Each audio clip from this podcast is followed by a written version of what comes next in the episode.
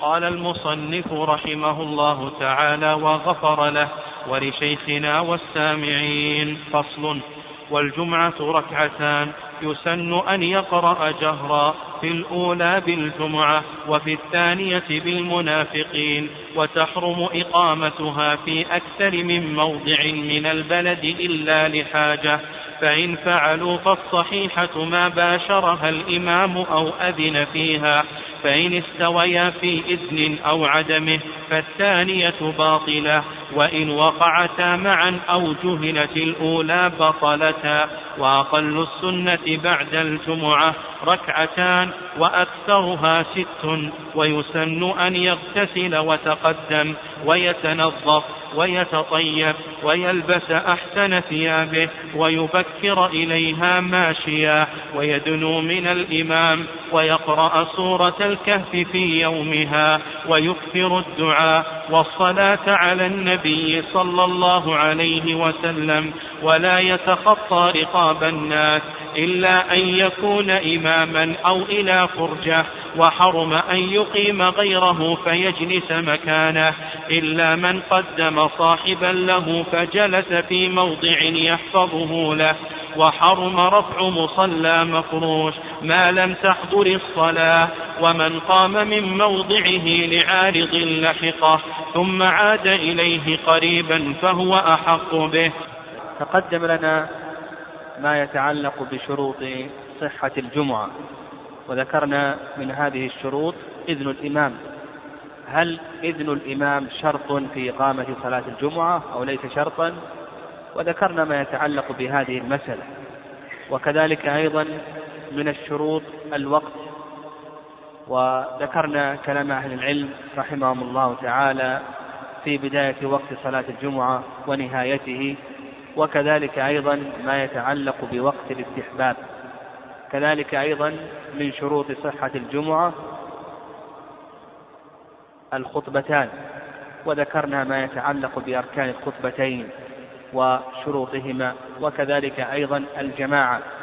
وذكرنا العدد الذي تنعقد به الجمعة وأن أهل العلم رحمهم الله اختلفوا في ذلك على مسائل.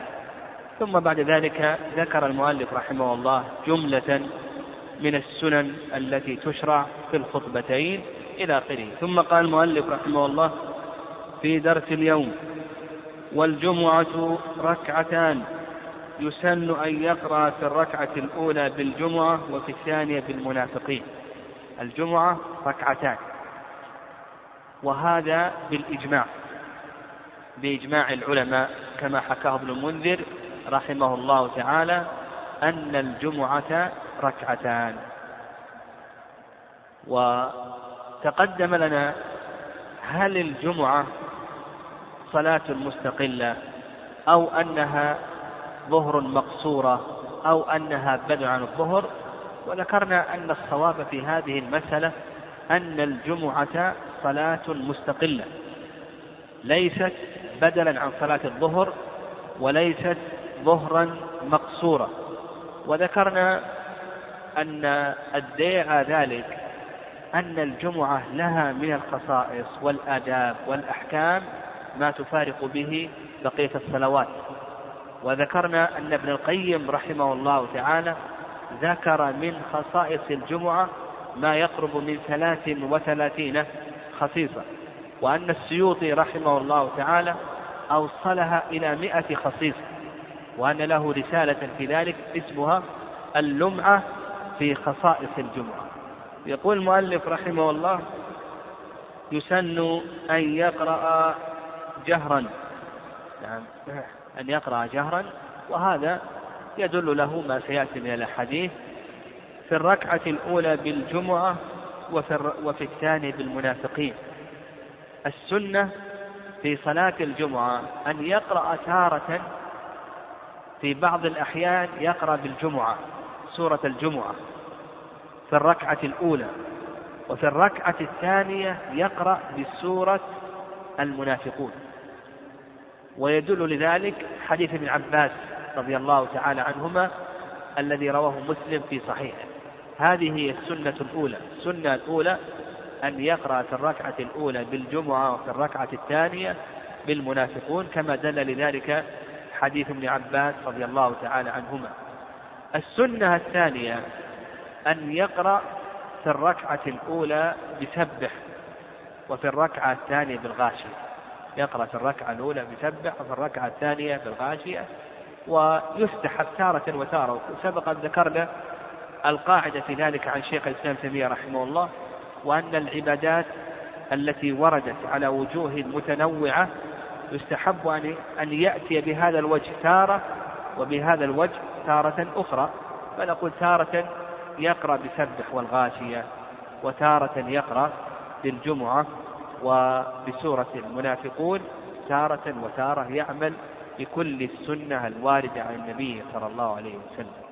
كما أنه يستحب أن يقرأ في فجر صلاة في فجر يوم الجمعة في الركعة الأولى بألف لام ميم السجدة. في الركعة الثانية بهل أتى على الإنسان حين من الدهر. و ويدل لذلك حديث أبي هريرة رضي الله تعالى عنه في الصحيحين يعني حديث أبي هريرة في الصحيحين. والسنة أن يقرأ السورتين كاملة. وأما قد ذكر الشيخ الإسلام تيمية رحمه الله أن قراءة بعض السورة بعض الأئمة يقرأ بعض السورة. هذا لا يحقق السنة لا يحقق السنة إلا إذا قرأ السورة كاملة. يعني يقرأ الإسلام من السجدة كاملة وهل أتى على الإنسان كامل. وأيضا الغالب يعني يكون الغالب على قراءته في فجر يوم الجمعة هو قراءة هاتين السورتين.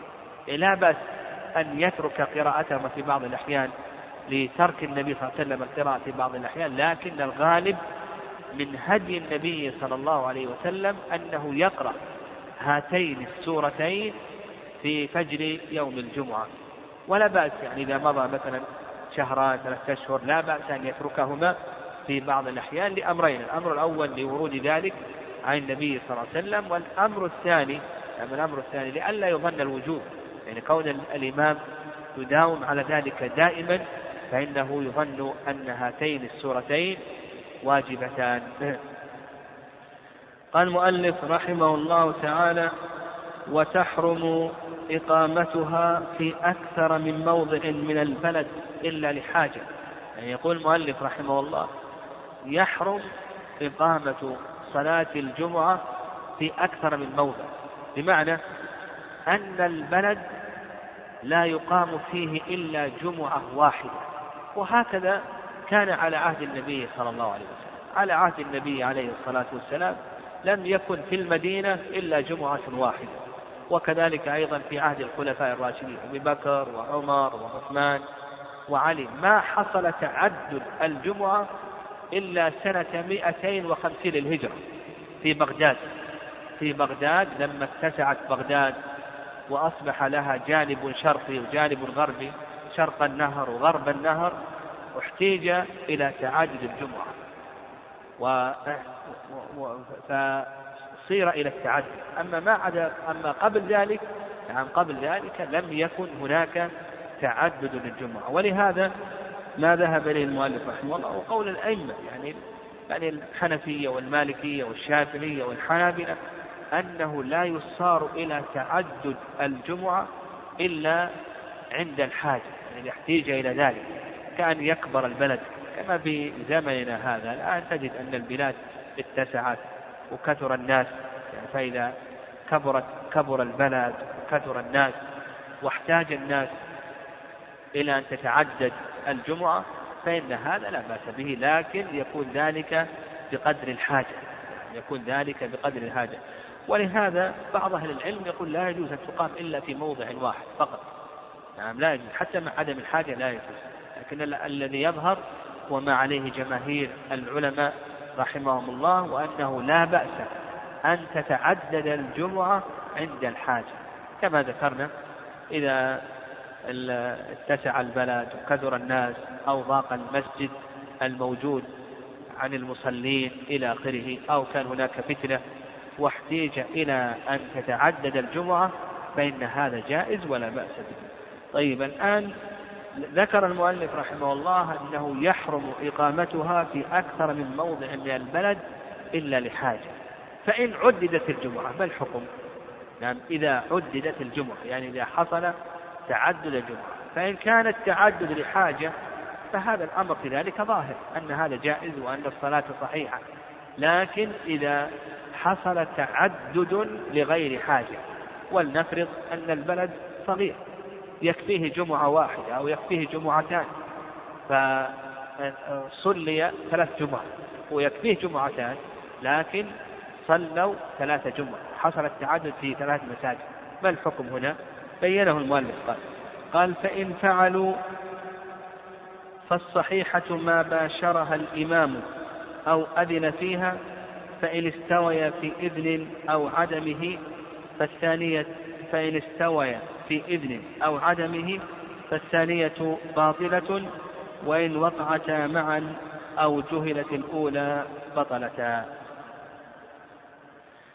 إذا حصل تعدد للجمعة من غير حاجة. يعني حصل تعدد للجمعة من غير حاجة. فهذا له صورة. الصورة الأولى نعم الصورة الأولى ما ذكرها المؤلف رحمه الله. قال لك أن يباشر الإمام إحدى الجمعتين أو أن يأذن فيها. الإمام باشر هذه الجمعة. أو أذن في هذه الجمعة دون الأخرى.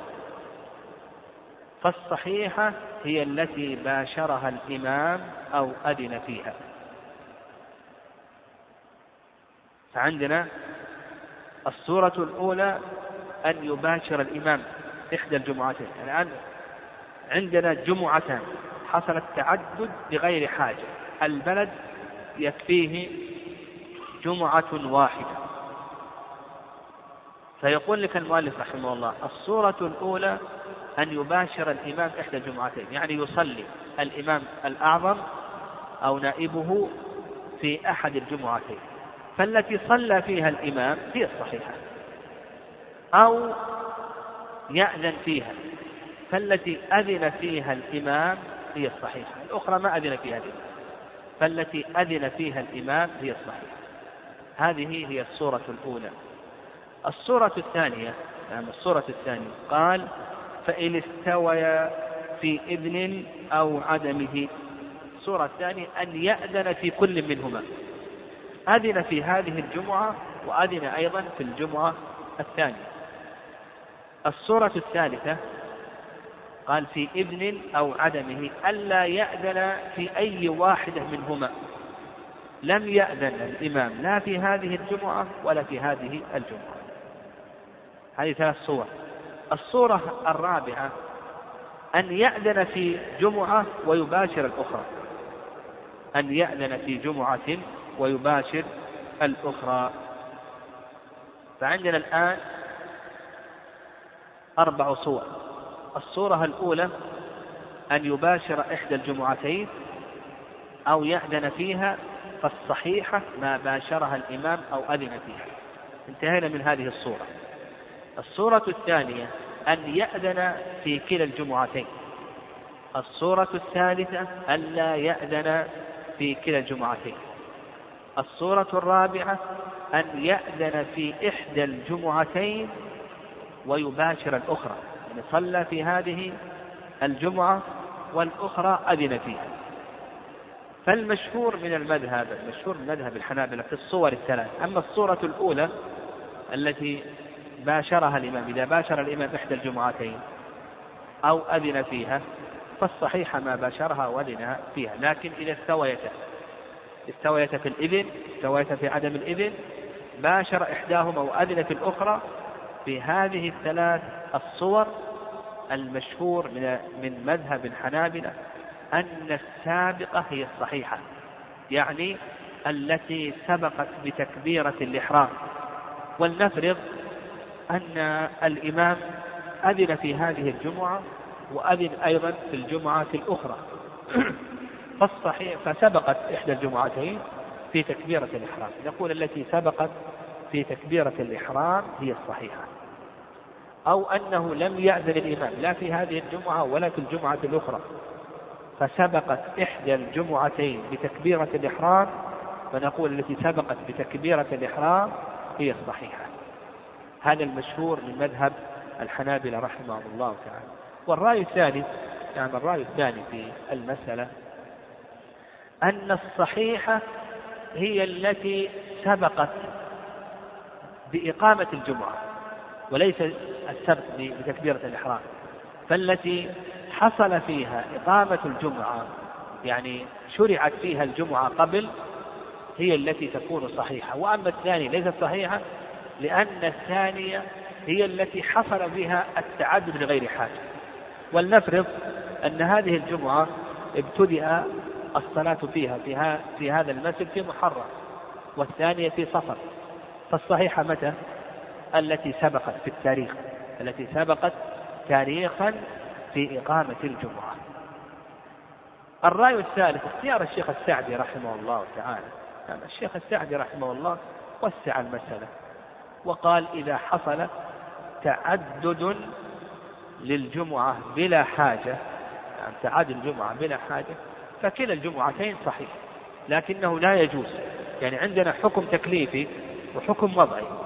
الحكم التكليفي لا يجوز التعدد لكن لو حصل تعدد فالحكم الوضعي أن كلا الصلاتين صحيحة أن المأموم متعبد بالصلاة وقد أدى الصلاة.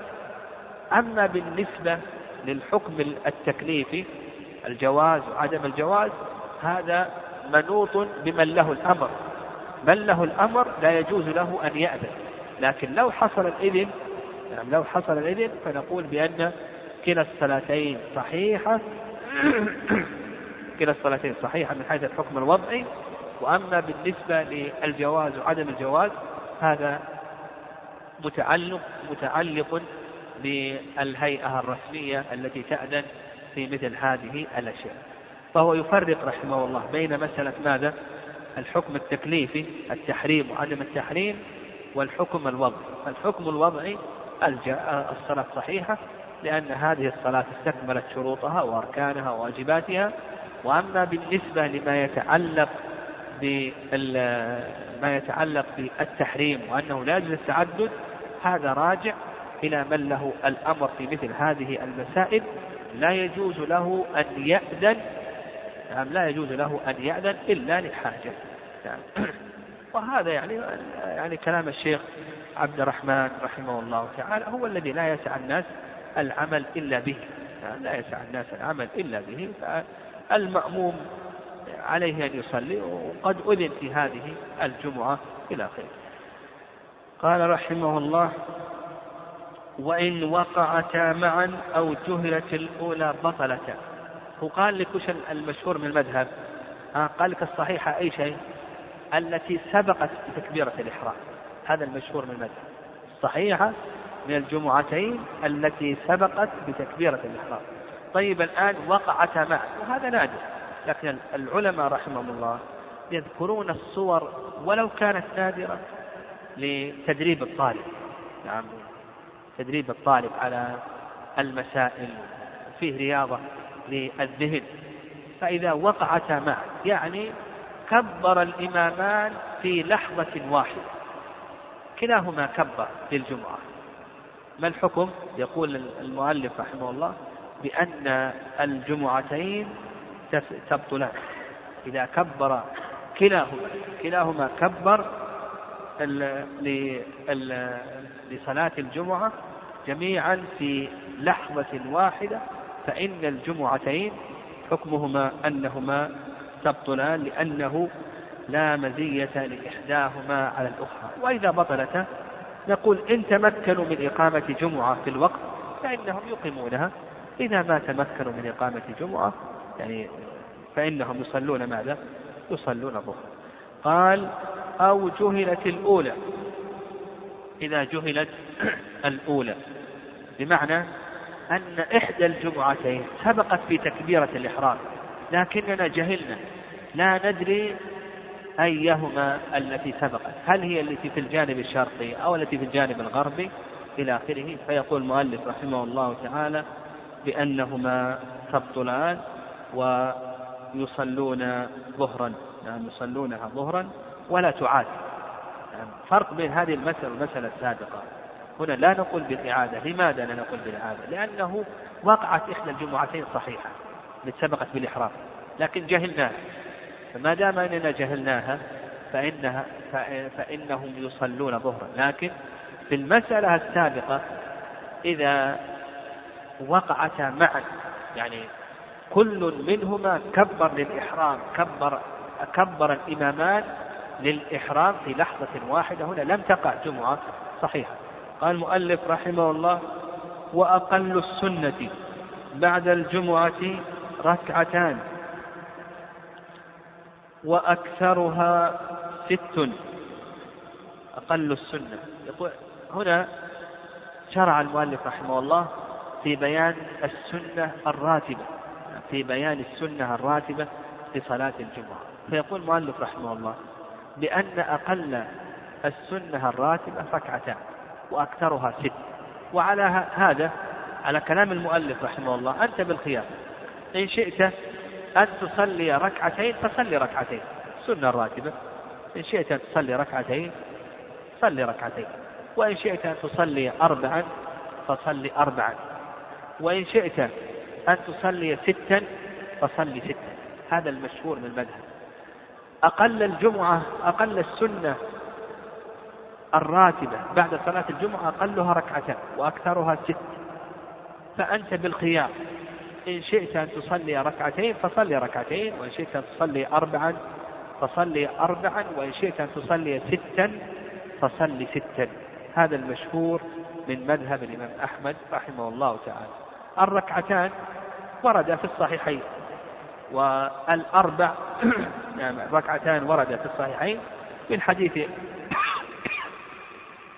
أبي هريرة رضي الله تعالى عنه الأربع وردت في صحيح مسلم من حديث نعم الركعتان وردت في الصحيحين من حديث ابن عمر رضي الله تعالى عنهما. الأربع وردت في صحيح مسلم الست وردت في سنن أبي داود. فأنت بالخيار. إن شئت أن تصلي ركعتين أو أربعا أو ستا هذا المشهور مذهب الإمام أحمد. الرأي الثاني اختيار شيخ الإسلام تيمية رحمه الله وأنه إن صلى في المسجد فإنه يصلي أربعا وإن صلى في البيت فإنه يصلي ركعتين. شيخ الإسلام تيمية رحمه الله يقول إذا صلى في المسجد فإنه يصلي أربع ركعات. كما جاء في مسلم. إذا صلى أحدكم الجمعة فليصلي بعدها أربعا وإن صلى في البيت فإنه يصلي ركعتين. الرأي الثالث نعم الرأي الثالث. أن هذا من قبيل السنن التي جاءت على وجوه متنوعة. يعني تارة تصلي ركعتين وتارة تصلي أربع ركعات وتارة تصلي ست ركعات. وهذا القول هو الذي ذهب إليه الشيخ محمد عثيمين رحمه الله أن هذا من قبيل السنن التي وردت على وجوه متنوعة. سبق أن أشرنا إلى كلام شيخ الإسلام في هذه المسألة وأن السنن التي وردت على وجوه متنوعة يستحب أن يأتي بهذا تارة وبهذا تارة وبهذا تارة فنقول تارة تصلي ركعتين بعد الجمعة وتارة تصلي أربع ركعات وتارة تصلي يعني تصلي ست ركعات. ركعتين تصلي كما جاء في الصحيح من عمر أو أربعا كما جاء في مسلم حيث أبي هريرة أو ستا كما جاء في سنن أبي داود من حديث ابن عمر رضي الله تعالى عنهما. وقول المؤلف رحمه الله تعالى وأقل السنة بعد الجمعة ركعتان. يفهم من كلام المؤلف أنه ليس هناك سنة راتبة قبل الجمعة. يعني الجمعة ليست لها سنة قبلية وإنما سنتها بعدية. وهذا المشهور مذهب الإمام أحمد رحمه الله وقال به الإمام مالك وهو وجه أيضا عند الشافعية أن الجمعة ليس لها سنة قبلية. وإنما السنة التي لها هي سنة بعدية ذهب بعض الشافعية إلى أن لها سنة قبلية. نعم لكن الصحيح أنه ليس لها سنة قبلية ويدل لهذا أن النبي صلى الله عليه وسلم كان يدخل بعد زوال الشمس. نعم يدخل كما تقدم لنا في حديث سلمة بن الأكوى حديث أنس أن النبي صلى الله عليه وسلم كان يدخل بعد زوال الشمس. ومباشرة يؤذن يجلس ثم بعد ذلك يؤذن ثم يخطب ثم يصلي.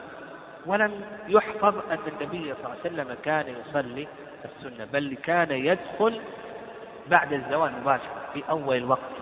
لم يحفظ أن النبي صلى الله عليه وسلم كان يصلي السنة القبلية. كما ذكرنا بعض الشافعية قال بأن لها سنة قبلية بناء على أنها ظهر. نعم بناء على أنها ظهر مقصورة أو أنها بدل على الظهر. لكن ذكرنا فيما تقدم أن الجمعة صلاة مستقلة ليست ظهرا مقصورة وليست بدلا عن صلاة الظهر.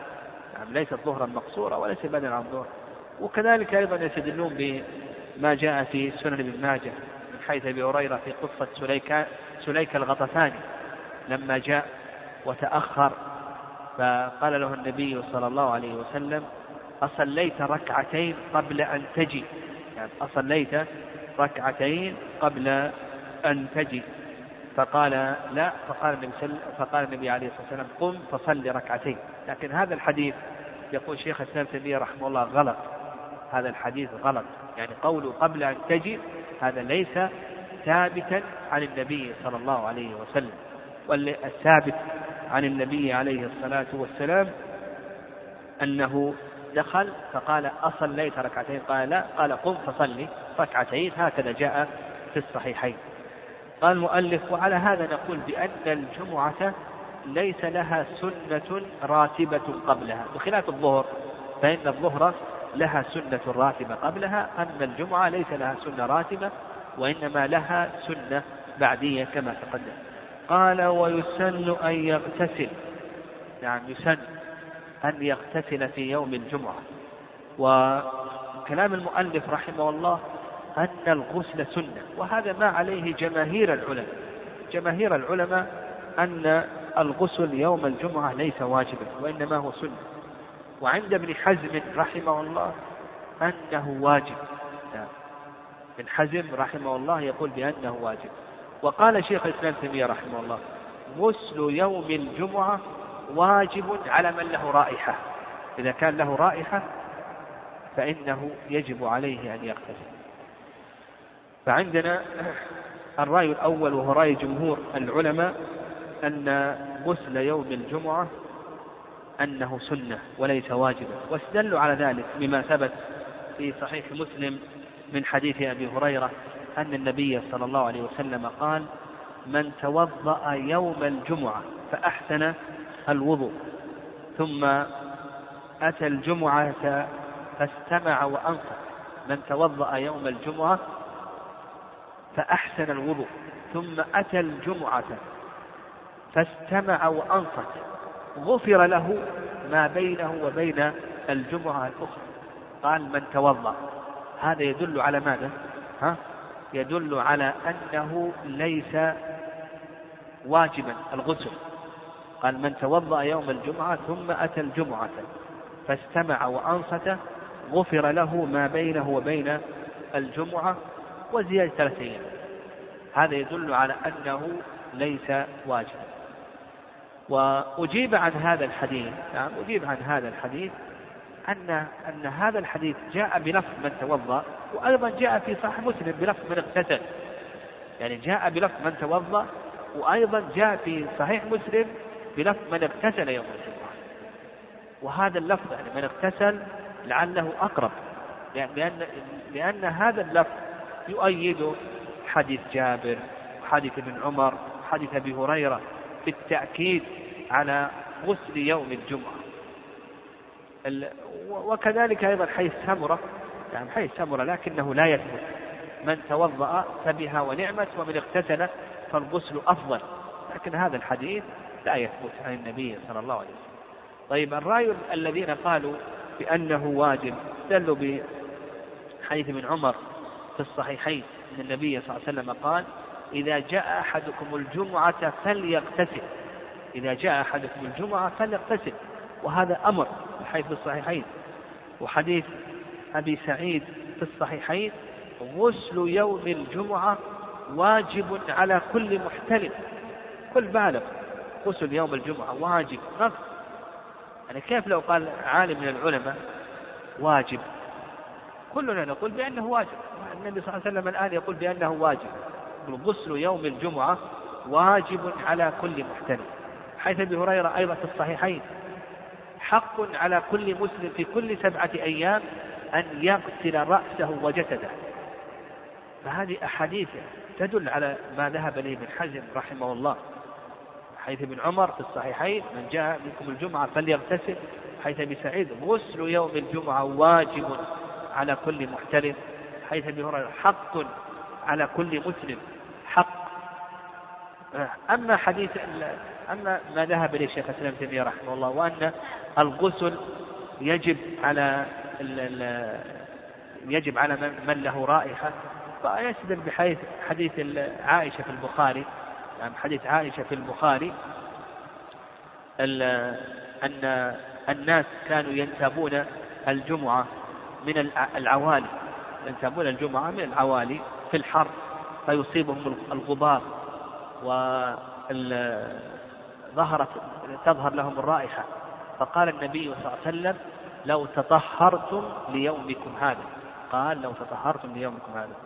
والذي يظهر والله أعلم الذي يظهر والله أعلم أن ما ذهب إليه ابن حزم رحمه الله تعالى أنه قوي وأن غسل يوم الجمعة أنه واجب. يعني أنه واجب. لكن نفهم أنه ليس شرطا لصحة الصلاة. الذي شرط لصحة الصلاة هو رفع الحدث لكن هذا واجب للصلاة. يعني هذا بمعنى أنه لو تركه فإنه يأثم. لكنه ليس واجبا للصلاة. وهذه قاعدة سبق أن أشرنا إليها. الفرق بين الواجب في الصلاة والواجب خارج. نعم خارج الصلاة. ومع أن ابن حزم رحمه الله قال بأن غسل الجمعة واجب إلا أنه يقول ليس للصلاة. فأفسد كلامه بها وهذا من جموده على النص يقول بأن الغسل ليس للصلاة وإنما هو لأي شيء؟ لليوم. وعلى هذا لو أنه صلى الجمعة دون أن يغتسل ثم اغتسل بعد الظهر أو بعد العصر يجزي. يعني هذا لا شك أن أن هذا جمود على النص نعم جمود على النص. والشارع إنما قال غسل يوم الجمعة ولا يقصد النبي صلى الله عليه وسلم إنك تغتسل بعد الظهر. يقصد إنك تغتسل أي شيء ها؟ للصلاة ما يقصد.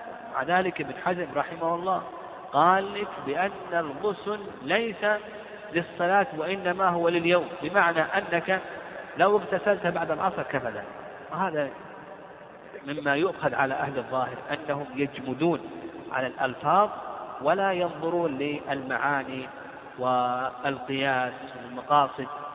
الشريعة نعم قاصد الشريعة وما قصدت. طيب ومتى يبدأ؟ وقت الغسل. نقول النبي صلى الله عليه وسلم أضافه لليوم. غسل يوم الجمعة أضافه لليوم. فنقول يبدأ من بعد طلوع الفجر الثاني بعد طلوع الفجر الثاني. وعلى هذا لو أصبح الإنسان وعليه غسل من حدث أكبر واغتسل كفى ذلك. فالنبي صلى الله عليه وسلم أضاف الغسل إلى اليوم واليوم يبدأ من بعد طلوع الفجر الثاني والأفضل أن يكون الغسل عند الذهاب إلى الصلاة. هذا الأفضل. وينتهي بالذهاب إلى الصلاة. ليس كما ذكر ابن حزم رحمه الله تعالى بأنه ينتهي بغروب الشمس. قال المؤلف رحمه الله وتقدم يعني في باب الغسل قال ويتنظف ويتطيب. يتنظف نعم. العلماء رحمهم الله إذا قالوا يتنظف المقصود بالنظافة هنا قطع. ما يعني المقصود بالنظافة هنا أمران. الأمر الأول ما يتعلق بسنن الفطرة. ما يتعلق بسنن الفطرة من تقليم الأظفار ونتف الإبط وقص الشارب وحلق العانة إلى آخره. وأيضا يقصدون بذلك قطع الروائح الكريهة يعني قطع الروائح الكريمة. لكن الصواب فيما يتعلق بسنن الفطرة الصواب أنها لا تشرع. يعني ما ورد دليل عن النبي صلى الله عليه وسلم أنه يستحب أن تفعل سنن الفطرة يوم الجمعة. يعني من نقول للإنسان آه، قلم أظافرك يوم الجمعة أو قص شاربك يوم الجمعة أو تنتف الإبط يوم هذا ما ورد عن النبي صلى الله عليه وسلم. سنن الفطرة لها ثلاث أوقات. نعم لا ثلاث أوقات. الوقت الأول وقت استحباب. وذلك متى طالت. يعني متى طالت هذه الأشياء فإنه يستحب له أن يأخذها دون أن يتقيد ذلك بيوم محدد لأنه لم يرد عن النبي صلى الله عليه وسلم. وإن كان ورد عن بعض السلف أنها تتفقد يوم الجمعة لكن هذا ليس عليه دليل. وقت استحباب. وقت كراهة أن يتركها فوق أربعين يوما. يعني يكره أن تترك هذه الأشياء فوق أربعين يوما. وقت تحريم أن يتركها حتى تكثر وتتفاحش. تكثر وتتفاحش. بمعنى أنه يترك شاربه حتى يكثر ويتفاحش أو يترك أظافره حتى يترك يكثر ويتفاحش ومثل أيضا شعر الإبط وشعر العانة إلى آخره هذا العلماء رحمهم الله يقولون بأنه محرم لأمرين. الأمر الأول أنه يكون مشبها للمشركين. يعني ثانيا أنه يكون مشبها للسباع. والمسلم منهي عن مشابهة المشركين وكذلك أيضا مشابهة السباع. فنقول يعني قوله يتنظف. نعم يتنظف المقصود يعني إن كان قصده سنن الفطرة ونحو ذلك. نقول هذا فيه نظر بل المقصود الصحيح التنظف الذي ورد يوم الجمعة هو الاغتسال. يعني هو الاغتسال وقطع الروائح الكريهة ويدل لذلك ما ثبت في صحيح البخاري من حديث أبي سعيد أن النبي صلى الله عليه وسلم قال لا يغتسل رجل يوم الجمعة ويتطهر ما استطاع من طهر ويدهن ويمس من طيب بيته ثم يخرج فلا يفرق بين اثنين ثم يصلي ما كتب له ثم ينصت إلا غفر له ما بينه وبين الجمعة. له حيث أبي سعيد. المهم الشاهد في ذلك قول النبي صلى الله عليه وسلم ويتطهر ما استطاع من طهر قال ويتطيب. يعني يتطيب. أيضا يستحب يوم الجمعة أن يتطيب. ويدل لذلك ما تقدم من حديث أبي سعيد. لا يغتسل رجل يوم الجمعة ويتطهر. ما استطاع من طهر ويدهن ويمس من طيب امرأته ويمس من طيب امرأته. هذا يدل على استحباب التطيب. قال ويلبس أحسن ثيابه. هذا أيضا الأدب الأدب الأول الاغتسال والثاني التنظف والثالث التطيب. الأدب الرابع يوم الجمعة أن يلبس أحسن ثيابه. ويدل ذلك ما جاء في البخاري أن عمر رضي الله تعالى عنه وجد عند المسجد جبة من استبرق جبة من استبرق تباع. فأتى بها النبي صلى الله عليه وسلم فقال يا رسول الله لو ابتعت هذه يعني اشتريت هذه تتجمل بها للجمعة والوفد فقال النبي صلى الله عليه وسلم هذا لباس من لا خلق له. المهم الشاهد أن النبي صلى الله عليه وسلم أقره على قوله تتجمل بها للجمعة والوفد. هذا مما يدل على أنه يشرع أن يتجمل. ويؤيد ذلك أن الله سبحانه وتعالى قال يا بني آدم خذوا زينتكم عند كل مسجد. قال ويبكر ويبكر. هذا الأدب الخامس.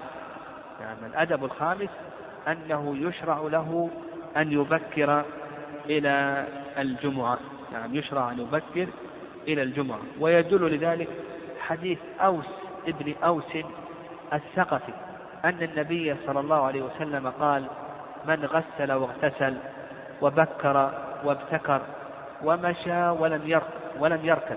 من غسل واغتسل وبكر وابتكر ومشى ولم يركب ودنا من الإمام. فاستمع ولم يلغو. كتب له بكل خط بكل خطوة أجر سنة صيامها وقيامها. وهذا لا شك أنه فضل عظيم وأجر كبير. وهذا الحديث رواه الإمام أحمد وأبو داود والترمذي والنسائي وإسناده حسن. من غسل واغتسل وبكر وابتكر ومشى ولم يركب ودنا من الإمام وأنصت أو فاستمع ولم يلغو كان له بكل خطوة يخطوها أجر سنة عمل صيامها وقيامها. هذا لا شك أنه فضل عظيم وأجر كبير. الشاهد هنا قوله بكر وابتكر. وأيضا يدل لذلك حديث أبي هريرة في الصحيحين.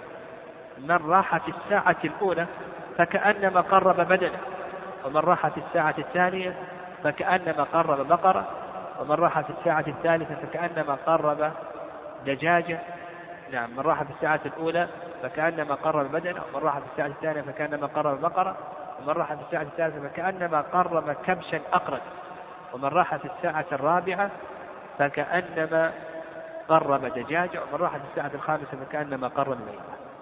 طيب ومتى يبدأ التبكير؟ يعني متى يبدأ التبكير؟ المشهور من مذهب الإمام أحمد ومذهب الشافعي أن التبكير يبدأ من بعد طلوع الفجر الثاني. يعني قبل صلاة الفجر تذهب إلى الجمعة. يعني قبل صلاة الفجر تذهب إلى الجمعة. هذا المشهور مذهب أحمد والشافعي. وعند أبي حنيفة أن التبكير يبدأ من بعد طلوع الشمس. يعني من بعد طلوع الشمس. وهذا الذي ذهب إليه أبو حنيفة رحمه الله هو الأقرب. لأن المسلم يعني قبل طلوع الشمس يكون مشغولا بأي شيء. يكون مشغولا بصلاة الفجر والجلوس بعد صلاة الفجر إلى أن تطلع الشمس إلى آخره. فالأقرب في هذه المسألة ما ذهب إليه أبو حنيفة رحمه الله وعلى هذا الساعات يعني الساعات تبدأ من بعد طلوع الشمس. فأنت تقسم هذه الساعات خمس ساعات تحسب ما بين طلوع الشمس إلى الزوال. تقسمه على خمسة وتنظر متى متى قربت بدنة ومتى قربت بقرة إلى آخره. ويستثنى من التبكير يعني يستثنى من التبكير الإمام. يعني فالإمام المشروع له أن يتأخر إلى وقت حضور الصلاة لأن هذا هو هدي النبي صلى الله عليه وسلم. وقوله ماشيا في حديث أوس بن أوس الثقفي فإن النبي صلى الله عليه وسلم قال ومشى ولم يركب ومشى ولم إلا إذا كان هناك مشقة لبعد المسجد فإنه لا بأس. والخطوات تحسب له يعني مع وجود المشقة يقول بأن الخطوات تحسب له. قال ويقرأ سورة الكهف. هذا الأدب السادس في يوم الجمعة يستحب له أن يقرأ سورة الكهف. ويدل لذلك حديث أبي سعيد أن النبي صلى الله عليه وسلم قال من قرأ سورة الكهف يوم الجمعة أضاء له من النور ما بينه وبين الجمعة الأخرى. من قرأ سورة الكهف يوم الجمعة أضاء له من النور ما بينه وبين الجمعة الأخرى. وهذا الحديث أخرجه الحاكم والبيهقي. بعض العلماء يصحح هذا الحديث يعني يصححه لكن بعض الأئمة يعني كالنسائي رحمه الله يقول وقفه أصح يعني كونه موقوف كونه موقوفا على أبي سعيد هذا أصح من كونه مرفوعا للنبي صلى الله عليه وسلم. وعلى كل حال سواء كان موقوفا أو مرفوعا ما دام أنه ثابت عن صحابي جليل فنقول بأنه من الأدب أو من السنن أن تقرأ سورة الكهف في يوم الجمعة. لكن المداومة على ذلك هذا يريدها سنة مرفوعة للنبي صلى الله عليه وسلم. فنقول لا بأس أن تقرأ لكن لا تداوم على ذلك. يعني لا تداوم على ذلك. ما دام ما ثبت الحديث عن النبي صلى الله عليه وسلم نقول اقرأ سورة الكهف في بعض الأحيان واتركها في بعض الأحيان وحينئذ تعمل بما جاء عن الصحابي رضي الله تعالى عنه وأيضا تعمل ما جاء عن النبي صلى الله عليه وسلم فإنه لم يثبت عن النبي عليه الصلاة والسلام. وقراءتها تبدأ من بعد طلوع الفجر إلى غروب الشمس لأن النبي صلى الله عليه وسلم جعل قراءة اليوم اليوم هكذا. قال رحمه الله تعالى ويكثر الصلاة على النبي صلى الله عليه وسلم. هذا الأدب السابع يعني يستحب أن تكثر من الصلاة على النبي صلى الله عليه وسلم وفي يوم الجمعة ويدل لذلك حديث أوس بن أوس الثقفي فإن النبي صلى الله عليه وسلم قال أكثروا علي من الصلاة يوم الجمعة. نعم وهذا الحديث صححه ابن خزيمة وابن حبان والحاكم والنووي أكثروا علي. وفي سنن البيهقي وليلتها. في سنن البيهقي أيضا قوله وليلتها قال ولا يتخطى رقاب الناس. نعم ولا يتخطى رقاب الناس. هذا الأدب الثامن لا تتخطى رقاب الناس لما فيه من إيذائهم. والله عز وجل يقول والذين يؤذون المؤمنين والمؤمنات بغير ما اكتسبوا فقد احتملوا بهتانا وإثما مبينا. وفي حديث عبد الله بن بسر أن النبي صلى الله عليه وسلم رأى رجلا يتخطى الرقاب فقال وسلم اجلس. فقد آذيت وآنيت. يعني تأخرت وآذيت الناس. نعم يعني آذيت وآنيت. وهذا الحديث صححه ابن خزيمة وابن حبان والبيهقي. قال إلا أن يكون إماما أو إلى فرجة. يعني إلا أن يكون. يعني يستثنى من التخطي الإمام. لو كان المسجد ليس له باب في القبلة واحتاج الإمام أنه يدخل من غير القبلة ويتخطى فإن هذا لا بأس به للحاجة. وأيضا الشيخ عبد القادر الجيلاني رحمه الله أيضا استثنى المؤذن يعني المؤذن لأن الإمام والمؤذن آه، كلاهما يحتاج إليه فلا بأس. قال لك أو إلى فرجة ولنفرض أن الصف الثاني فيه فرجة واكتمل الصف الثالث والرابع. فلمن رأى فرجة في الصف الثاني أن يتخطى الصف الثالث والرابع أو الرابع والثالث لكي يصل إلى هذه الفرجة لأنهم كونهم لم يسدوا هذه الفرجة إلى آخره زهدوا كونهم زهدوا في وصل الصف إلى آخره فسوغ التخطي لوصل الصف. والأقرب والله أعلم أنه لا يستثنى إلا الإمام والمؤذن وأما بقية الناس حتى ولو كان هناك فرجة إلى آخره قد يكون هناك فرجة يعني لم يقصد عدم سدها إلى آخره. فالأحوط أن المسلم أنه لا يتخطى لا يتخطى قال إلا أن يكون إماما أو إلى فرجة وحرم أن يقيم غيره فيجلس فيه. هذا الأدب التاسع. أنك لا تقيم غيرك فتجلس في مكانه. ويدل لذلك حديث ابن عمر رضي الله تعالى عنهما أن النبي صلى الله عليه وسلم نهى أن يقيم الرجل أخاه فيجلس في مقعده. نعم أن يقيم الرجل أخاه من مقعده فيجلس فيه. النبي صلى الله عليه وسلم نهى أن يقيم الرجل أخاه من مقعده فيجلس فيه. رواه البخاري مسلم قال إلا من قدم صاحبا له فجلس في موضع يحفظه له. يقول لك المؤلف لا بأس أن تقدم صاحبا له. مثلا هذا الرجل يريد أن يتأخر فقال اذهب يا فلان واجلس في الصف الأول حتى آتي. فإذا أتيت تقوم وأجلس في مكاني. يقول لك المؤلف هذا أن هذا لا بأس به لا بأس.